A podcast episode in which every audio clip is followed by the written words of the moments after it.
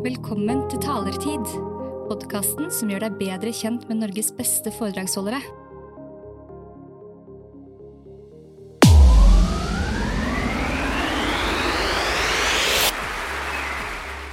Wow. Sissel Winther Storås, du elsker å jobbe med kvalitet og er ekspert på kvalitetsledelse. Men hva er egentlig kvalitet?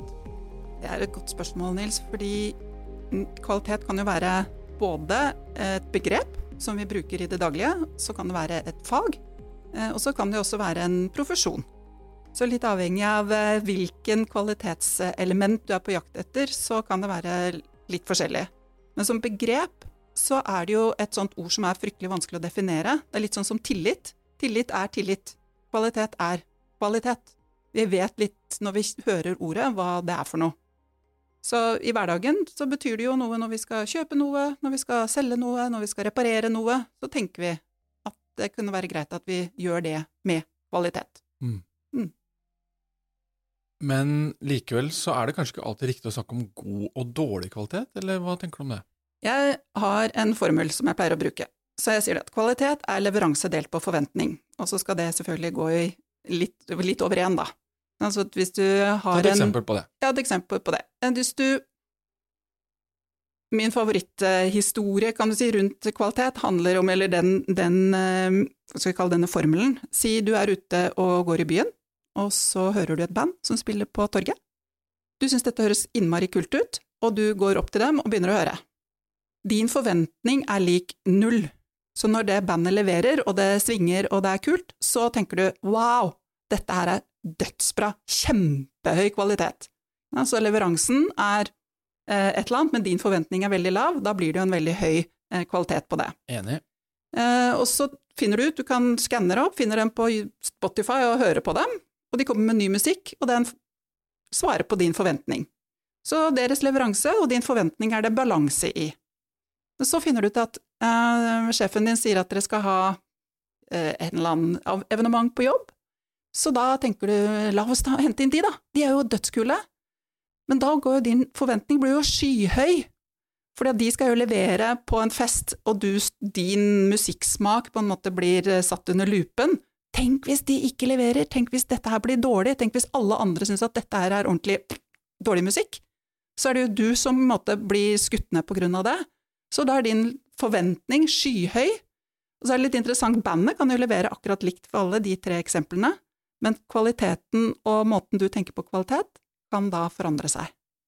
Så jeg vet ikke om det ga mening? Det ga mening, og, og, jeg tenker også at hvis du kjøper billett til 800 kroner på Telenor Arena for å høre på et band, så har du kanskje også en høyere forventning enn om du møter et band på torget i byen. Ja, absolutt. Så det har også noe med hvordan du på en måte har forventning til det som skal bli levert. Da. Så du som kunde eier forventningene, mens du som leverandør eier leveransen. Det er også når jeg da eh, får et oppdrag fra deg på talerlisten, så er det om å gjøre for meg å prøve å finne ut av hva er det kunden ønsker å oppnå, hva er det som er deres forventninger til mitt foredrag, hvordan kan jeg levere på de forventningene, sånn at det blir en balanse. Det må ikke bli for høy, og det er den når du sa at kan det bli for høy kvalitet, ja, hvis jeg leverer skyhøyt over forventning, hva skjer da neste gang? Kunden kommer og ber meg om å gjøre det samme, så må jeg jo fortsatt levere skyhøyt over eh, deres forventning, som jo har vokst. Så da kan jeg få et kapasitetsproblem, og sånn er det jo i eh, andre sammenhenger også, da. Jeg jobbet mange år med omdømme, mm. Eh, og da husker jeg pleide ofte å fortelle at Nille kan godt ha et bra omdømme, og da rynket folk litt på nesa.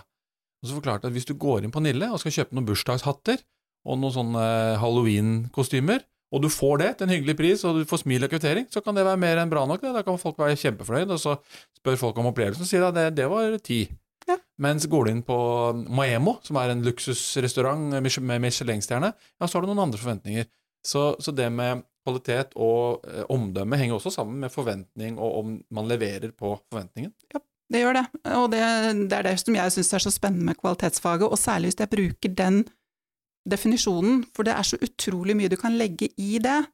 Både når det gjelder å få skjønne kundens stemme, som er et sånt kvalitetsverktøy, gå inn i å skjønne hva som er kritisk for kvalitet for at du skal kunne levere til den kunden, Men på leveransesiden også så kan vi legge så mye, for der kan vi bygge hele kvalitetssystemer og rutiner og prosesser og alt som skal til for at vi skal kunne eh, praktisk, enkelt, med mest mulig flyt og minst mulig sløsing, faktisk klare å svare på de forventningene med minst mulig ressurser.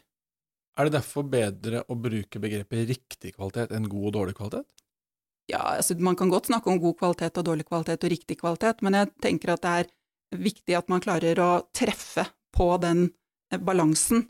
I hvert fall ikke under én, altså at eh, forventningene er høyere enn det vi klarer å levere, for da får du sure og misfornøyde kunder. Da kan vi snakke om dårlig kvalitet. Ja, for hvis jeg kommer ut fra en bar klokka to på en lørdagskveld og har lyst på en pølse, det hender jo. Mm da har jeg jo ikke forventninger til å få et gourmetmåltid. Nei. Men jeg forventer en varm pølse i lompe med ketsjup og sennep, Yes. kanskje litt løk. Og da får du det, så er du jo happy. Ja. Og da er det ikke så nøye om det er en gourmetpølse, men hvis du skal ha en grillfest hjemme med familien, så kan det hende at den forventningen skrur seg opp, og du tenker at nei, nå skal jeg kjøpe noe som er skikkelig ordentlig, og kanskje går til en slakter og får noe som er bra.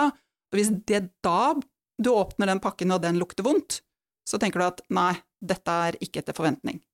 Så den, den er så Det er derfor jeg liker som sagt den, den sammenstillingen, for det er så mye å putte inn i dette, da. Så de som vil jobbe med kvalitet, må starte med å kartlegge egentlig kundens forventninger. Mm. Si litt mer om hvordan man kan da jobbe hvis man da er en leder eller en bedrift som ønsker å bedre kvaliteten, f.eks. på en prosess eller et produkt. Hvordan kan, være, hvordan kan det være fornuftig å starte en sånn prosess? Um, du må begynne med kunden. Du må tenke gjennom hva, hvem er det som nyter godt av det arbeidet vi gjør. Det kan være interne kunder, eller det kan være eksterne. Så det behøver ikke å være en kunde som kommer inn i en butikk og kjøper noe over disk. Det er ikke det vi legger i kundebegrepet. Noen bruker stakeholder, interessent, den type eh, tankegang.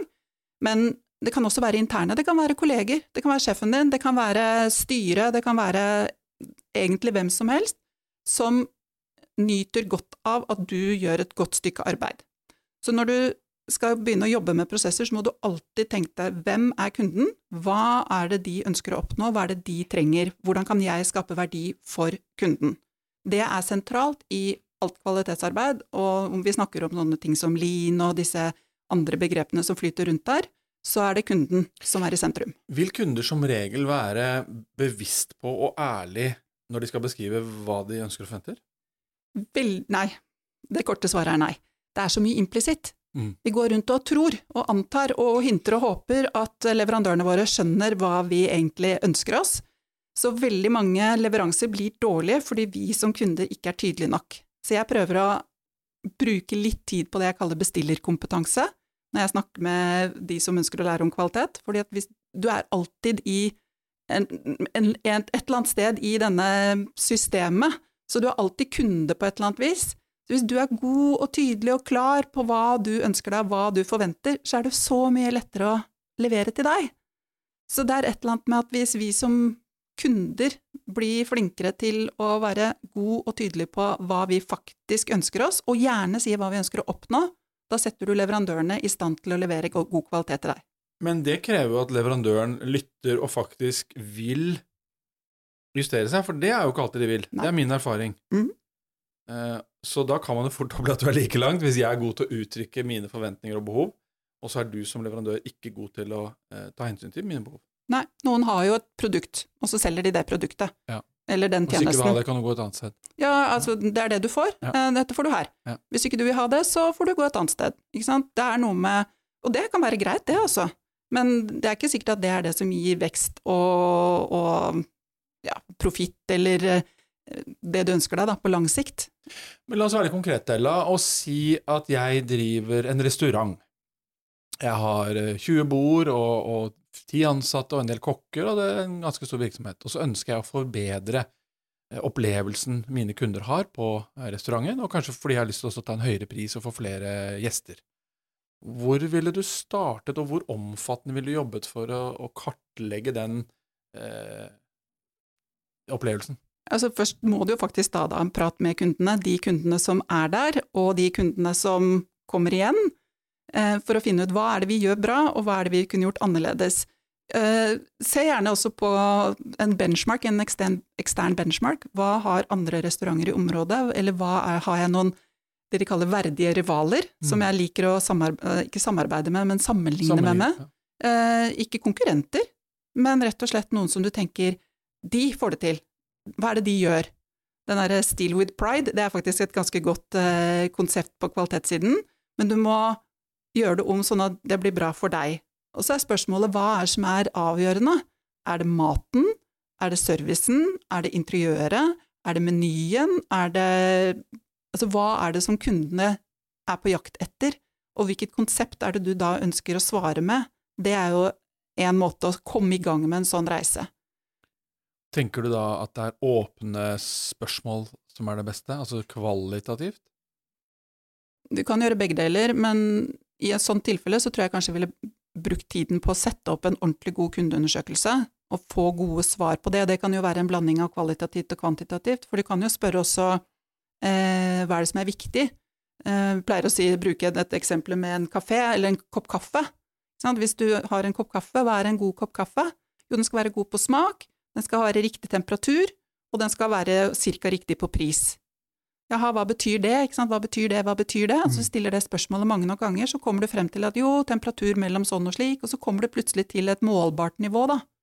Så hva er riktig prisnivå for denne restauranten?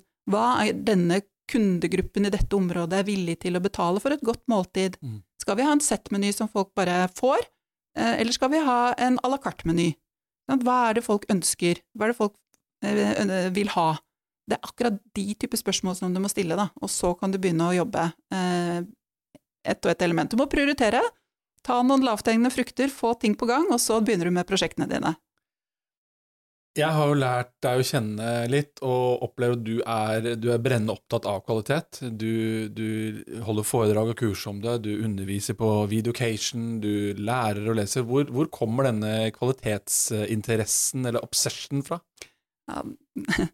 Ja, det det begynte ganske tidlig, da. Det begynte da jeg var sånn rundt 19. Okay. Men uh, faren min var en av Norges første kvalitetssjefer. Han var i det som merkelige industrieventyret som het Norsk Data. Det er jo en historie for, av seg Det selv. har jeg hørt om. Mm. Men de, uh, han satte i gang med kvalitet uh, når denne Total Quality Management-hypen var på sitt hotteste på slutten av 80-tallet, når det det virkelig kom til Norge. Eh, Så han hadde en sånn bokhylle fylt av sånne type bøker, og så skulle jeg skrive en oppgave i et fag som da het EDB. Husker du det? Elektronisk databehandling. PC-en hadde ikke harddisk engang. Men et, eh, jeg skulle skrive en oppgave med grafikk, regneark og tekstbehandling, og så visste jeg ikke hva jeg skulle skrive om, og så gikk jeg til faren min og fikk en bok som heter Kvalitetssirkler, skrevet av Asbjørn Aune. Jeg syns det var så kul måte å jobbe på. Jeg synes jeg likte den måten hvor du gir makt og myndighet til de ansatte, som selv kan få lov til å finne ut av hva er det som ikke funker, hva kan vi forbedre på gulvet der vi er. Den måten å jobbe på, jeg syns det var kjempespennende. Så når jeg da begynte på sivilingeniørstudiene i Trondheim, så tok jeg masse andre Jeg er jo skipsingeniør, marinteknisk eh, sivilingeniør, men tok masse fag, blant annet kvalitet, og ble med Asbjørn Aune. Eh, det begynte der. Ble du litt starstruck? Med han? Ja. Nei, kanskje litt. Jeg møtte han mange år senere, og han, eh, for jeg fikk jo bare, jeg fikk jo ikke noe god karakter. Jeg tror jeg fikk 3-0, det er jo en ganske dårlig karakter, faktisk. Men jeg møtte han noen år senere og fortalte da, at jeg nå har jo faktisk jobbet med kvalitet i en årrekke, selv om jeg fikk en dårlig karakter fra deg. Han mente at det hadde jeg sikkert fortjent. Men eh, det var jo spiren, da, til eh, det som ble etter hvert en interessant karriere i industrien. Så har jeg de siste fire årene jobba for meg sjøl, men eh, det funker det òg. Går det an å snakke om Norge og nordmenn, og eksempel si at vi er mer eller mindre opptatt av kvalitet, eller leverer mer eller mindre dårlig kvalitet enn eksempel japanere eller svensker? Altså, er det relevant? Det jeg opplever, er at norske virksomheter tenker litt snevert på kvalitet og kvalitetssystem og kvalitetsledelse. De vil nok veldig gjerne levere kvalitet. Eh, Det er mange som har det i sin visjon eller sitt formål eller samfunnsoppdrag, at de skal levere med kvalitet, men de er liksom ikke villige til å gå så langt som andre steder. Dette kvalitetsfaget, de som jobber med å få innført ISO 9001-standarden og disse tingene, de er liksom litt jeg vet ikke, uglesett, plassert i et hjørne. Eh, litt sånn Der sitter politiet og vokter på oss og jager avvik. Handler det kanskje litt om at vi nordmenn ikke er så glad i å bli bestemt over? Mm. Vi har liksom vært under Danmark, og vi, har, vi liker å være liksom våre egne herrer, og vi, det er litt sånn joviale som tar beslutninger i gruppe, og at det er litt med det, kanskje? Kanskje. Ja. Jeg tror nok det som jeg tenker, og som, kanskje, som jeg tenker er en godt, god karakteristikk av en god kvalitetsleder, er at jeg hater regler. Mm. Eh, Men det er veldig mange kvalitetssjefer som er veldig glad i regler, og veldig glad i å skulle lage eh, rutiner og regler og prosesser og prosedyrer, og så blir det altfor mye. Så er det ingen som orker å forholde seg til de greiene der, de vil bestemme sjøl, sånn som nordmenn gjerne vil, og så sklir det ut, og så blir det en sånn merkelig system hvor du har et eh, kvalitetssystem fullt av prosedyrer i hylla. Så litt relevant er det å snakke om. Ja, ja. kultur. Tilbake til restauranten. Eh, Hvis vi tenker at nå har vi gjort analyse, vi har funnet ut hva kundene liker, hva de vil ha, vi har gjort en eh, slags analyse av vår verdige rival, og så har vi i ledelsen bestemt at nå skal vi gjøre kvalitetsforbedringer. Hvordan må man jobbe for å få, på generelt grunnlag, da, medarbeiderne med på en sånn kvalitetsforbedringsreise? Du er nødt til å involvere de. De beste, altså hvis vi ser på Japan, så driver de, har en måte, det heter Hoshin Kanri, men det ikke, altså det er den japanske navnet på det. Det de gjør, er at de kaster ball. De ser på omverdenen, de ser på det strategiske, hva er det som funker utad, men så begynner de å snakke med de ansatte. Og så får de vite fra dem hva de tenker, hva, hvordan de ser for seg at dette skal gjøre. Og så kommer deres stemme inn like mye som kundens stemme kommer inn. Og det er litt av clouet her, for hvis du får med deg de ansatte, så de sitter jo med et vell av kompetanse, det er jo de som kan dette her. Hvis de gir de handlingsrom, så har du, da er du good to go, altså. Det handler om å faktisk få de med og engasjere de. Jeg jobbet i Ringnes på begynnelsen av 90-tallet, Mm. og der ble det gjort et svært prosjekt, eh, og prosjektet handlet om eh, kvalitetsforbedringer, men det ble seilte litt under et annet flagg. Og etter mange, mange uker så fant man annet ut at eh, på tappekran, eller på tappelinja i Stavanger, der kunne de spare 3 millioner kroner året, og at de som jobbet på lageret, eh, satte i gang maskinen før de som kom på tapperi skulle jobbe, altså at noen andre satte i gang systemet en time før. Eh, og de vant prisen. Og jeg var til stede på prisutdelingen, og da husker jeg administrerende direktør spurte hvorfor har dere ikke kommet opp med denne ideen før? Og det de svarte var det er aldri noen som har spurt. Mm. Det var en gjeng med gutter på tapperi i Stavanger, sparte selskapet tre millioner bare ved å bli spurt først, så kanskje det er en, eh, en god metode å jobbe på den måten. Det er veldig interessant at du sier det, for Ringnes var faktisk en av de bedriftene som tok i bruk dette her med kvalitetssirkler på Ja. tidlig 90-tall, Ja, som var jo akkurat det, som jeg skrev Det henger sammen, ja. Jeg husker det godt, det var i Mm. 93-94. Yes. Og, ok, så, så vi må analysere, stille spørsmål, benchmarke oss. Vi må spørre medarbeidere om hvordan de kan være med å levere den kvaliteten vi ønsker, etter vi kanskje har definert noen, noen ting, og sikkert motivere dem litt også. Men hva er typiske feil man da må forsøke å unngå, eller typiske feller som ofte selskapet går i når de forsøker seg på sånne prosesser? Jeg tror det er to ting. Jeg tror det er en utålmodighet på veldig raske resultater, og så at man setter i gang med for store eh, sprang. Det er et eller annet med at det er fryktelig vanskelig å hoppe fra første til fjerde etasje, men hvis du tar trappa ett og ett trinn, så kommer du ganske raskt opp i fjerde etasje likevel. Så jeg tror det at hvis du lager for store prosjekter, eller du gjør liksom altfor mye på en gang, eller som leder forventer veldig kjappe og banebrytende resultater, så gir man kanskje litt for fort opp. Det blir for vanskelig, det blir for tungt, det blir, og vi ser ikke de resultatene, og så gir vi opp. Ja. Så gidder vi ikke. Nei. Så det Så ledere må være tålmodige. Ja, faktisk. Eh, Det opplever jeg ofte at de er på jakt etter litt for kjappe resultater, og at det skal synes på bunnlinja veldig, veldig kjapt. Og det er ikke alltid er eh, riktig. Det kommer på bunnlinja etter hvert. Og særlig hvis du får med deg de ansatte og lager den kulturen og får det teamet på plass som virkelig vil dette her, da vil resultatene komme. Og da kommer de med stor fart. Men hvis du er for utålmodig så, og stenger ned og sier nei, glem det, vi får det ikke til, så ja, da får du ikke noen resultater. Men er det en fare for at man pålegger medarbeidere mer arbeid som ikke medarbeiderne nødvendigvis ser verdien av å gjøre? Altså Hvis jeg må jobbe en time mer hver dag, eller jeg må, jeg må lage den matretten ekstra fin, men jeg ser ikke egentlig noen gevinst for meg selv, kanskje det er bare merarbeid, er, er det noen fare for at det kan bli en hva heter det, en sånn side effect av det? Ja, Klart. Og det er derfor det er så viktig at du klarer da på et eller annet vis å skape denne motivasjonen, prøve at dette blir indremotivert, at de ansatte syns dette er gøy, at de gir dem en god følelse, at du får den her at dette er noe som vi skal ordne sammen, hvis du klarer å Det er den teamfølelsen. Det er klart at hvis det bare blir ekstra Alle ekstra ledere drømmer om, tror jeg. Ja, ja, Ja. men ikke sant, hvis det bare blir noe ekstra, bare noe sånn eh, eh, som de opplever som noe sjefen vil, ikke noe jeg vil. Dette her er eh, et press utenifra, litt sånn straff og belønning eh, styrt. Da, da ødelegger du egentlig mer enn det du klarer å få til. Så det, det er et eller annet i den magien, som du sier, alle ledere ønsker å få til dette her, da. Men jeg har jo troa på at de aller fleste syns jo det er gøy med å gjøre ting som blir til det bedre. Og så er spørsmålet hva er det bedre? Hva? Vi kan være litt uenige om hva som faktisk fører til forbedring, da, men det er jo en diskusjon man må tørre å ta. Går det an å si noe om hva som er de største utfordringene generelt med kvalitetsforbedringsarbeid? Jeg vet at det er et stort spørsmål, men ikke sant?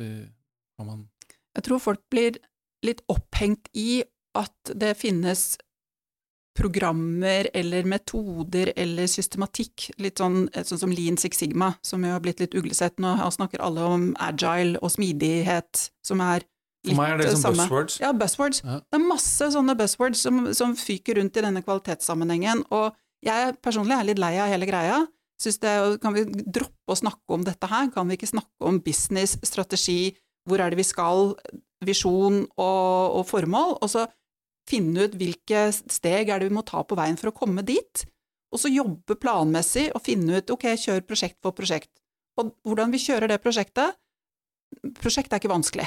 Det er å ha en prosjektmodell, og så kjører vi etter den prosjektmodellen som vi er vant til å kjøre etter, istedenfor å tro at vi da må ha grønt belte eller svart belte i Lean Six Sigma. Eh, Jeg skal ikke Jeg tilbyr både gult og, svart, nei, gult og grønt belte sjøl, og har master black belt i Lean Six Sigma, så jeg skal egentlig ikke snakke altfor Høres ut høyt som om det. karate. Ja, høres ut som Nettopp! Det er helt meningsløst. Men det handler jo egentlig om kvalifikasjonsnivåer, ikke sant? Så grønt belte betyr bare at du er trent som prosjektleder å gjøre forbedringsprosjekter. Men betyr det at det kan oppstå i store bedrifter en slags kløft mellom de som administrerer kvalitetsarbeidet, og de som faktisk skal gjøre det? Mm.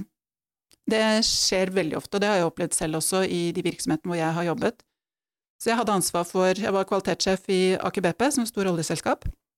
Jeg hadde ansvar for styringssystem og for internrevisjon og for en del kvalitetsressurser. Og så ble jeg da også tillagt ansvaret for kvalitetsforbedring, som var et sånn lean-program som de kjørte. Eh, Og det hadde de holdt på med en stund, men det ble litt sånn, sånn prosjektkontor litt på siden. Og så ble det innlemmet da i det faktiske kvalitetsarbeidet, men fortsatt stab. Fortsatt litt på siden. Og da var det jo noen som spurte meg om det. Hvorfor i all verdens navn ikke tør dere å gi dette viktige forbedringsarbeidet over til kvalitetsavdelingen? Da ble jeg litt sånn, ok, hva tenker du på da? Jo, nei, for kvalitetsfolk, det er bare sånn som sitter og eh, forvalter prosedyrer, jager avvik, og så kjører de ledelsens gjennomgåelse en gang i året. Og jeg tenkte, ok, det var litt snevert syn på hva vi gjør for noe i en kvalitetsavdeling, men sånn er det jo mange som Da må kvalitetsavdelingen jobbe med forventningsstyring til uh, Eh, deg selv. Spennende. Mm. Dette med kultur. Vi vet jo at store selskaper som Apple eller Netflix eller andre ofte får skryt for kulturen sin, at, at den i hvert fall er spesiell, og at den er kultur for å skape forandring. Kan man snakke om kultur for kvalitet? Definitivt.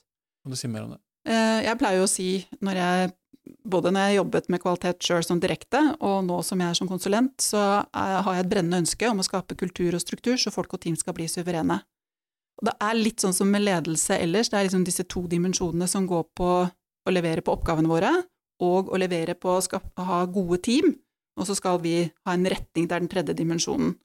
Men det er klart at hvis du har en gjeng som virkelig ønsker å levere med kvalitet, som tør å gå i dialog med kunden, få på plass de forventningene, forstå hvordan vi skal levere, legge til rette for at vi leverer, gi folk handlingsrom, kutte ned på antall regler og antall krav, gi folk det kreative rommet til å kunne skape og forbedre, da har du en kvalitetskultur.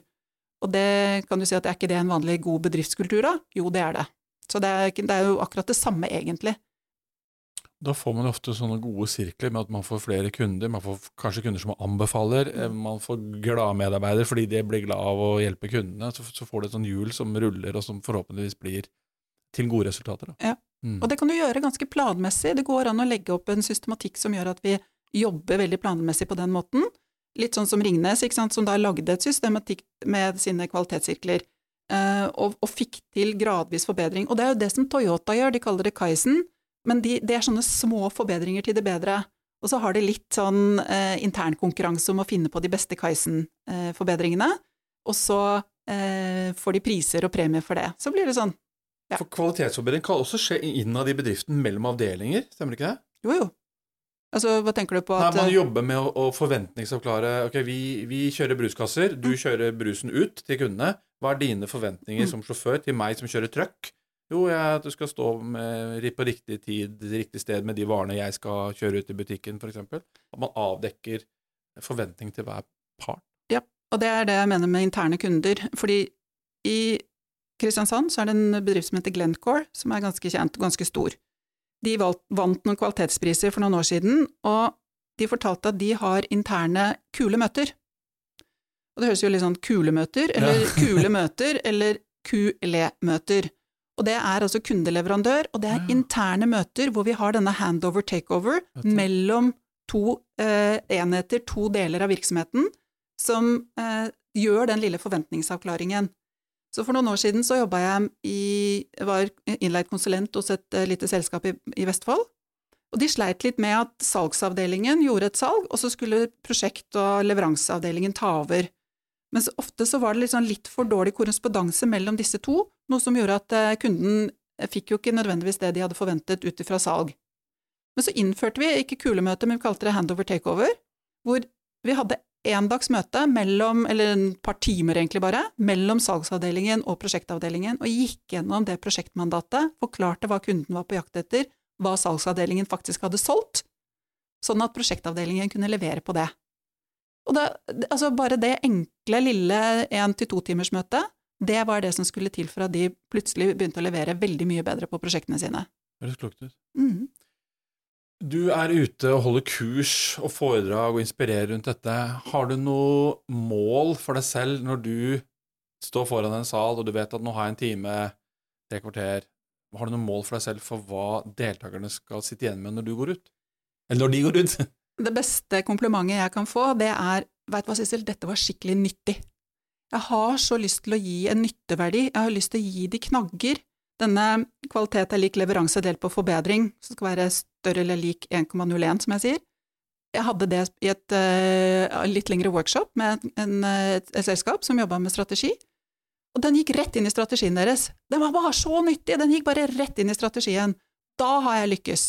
Når jeg har klart å levere et eller annet, en knagg, noe av det jeg sier, en modell, en eller annen sammenligning, et eller annet sånt noe. Hvis de tar med seg det videre og sier 'dette var nyttig', da tenker jeg 'yes, da har jeg måloppnåelse'. Hvordan jobber du med din egen kvalitetsforbedring?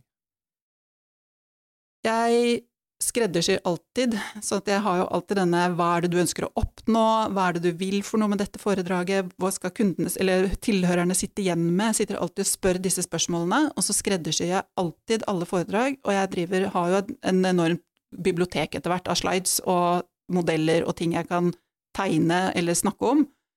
Og så er det hele tiden å forbedre og, og jobbe med de, sånn at de blir enklere, renere, penere på, på, på skjermen eller på, på, Lerretet? Mm. sånn at eh, det er lettere for folk å nærmest kunne notere og tegne ved siden av.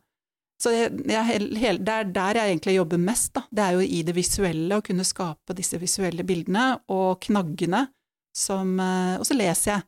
Leser masse sånn at jeg kan finne nye sammenhenger, nye modeller, nye måter å, å, presentere ting på, så det hele tiden er noe som er litt sånn ferskvare.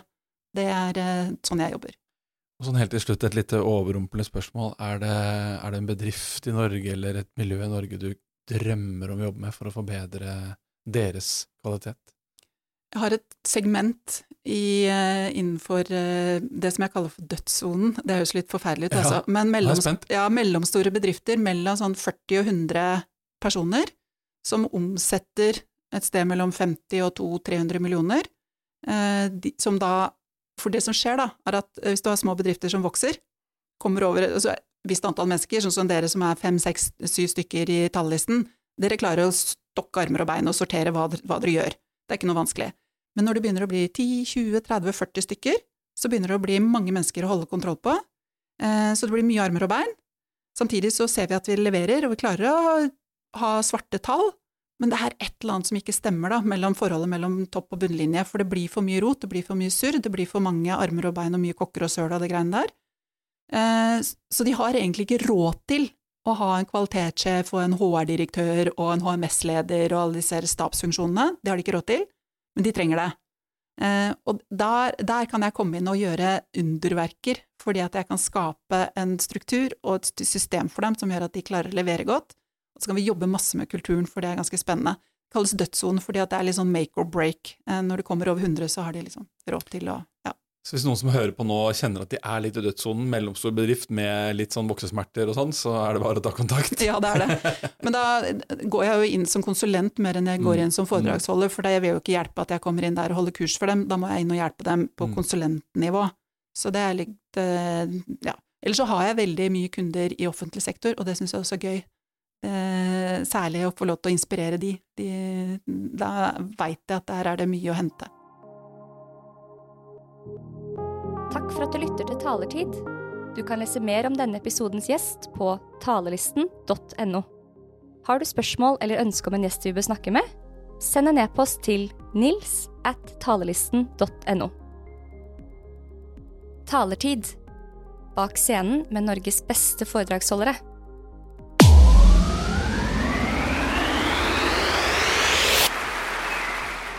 Wow.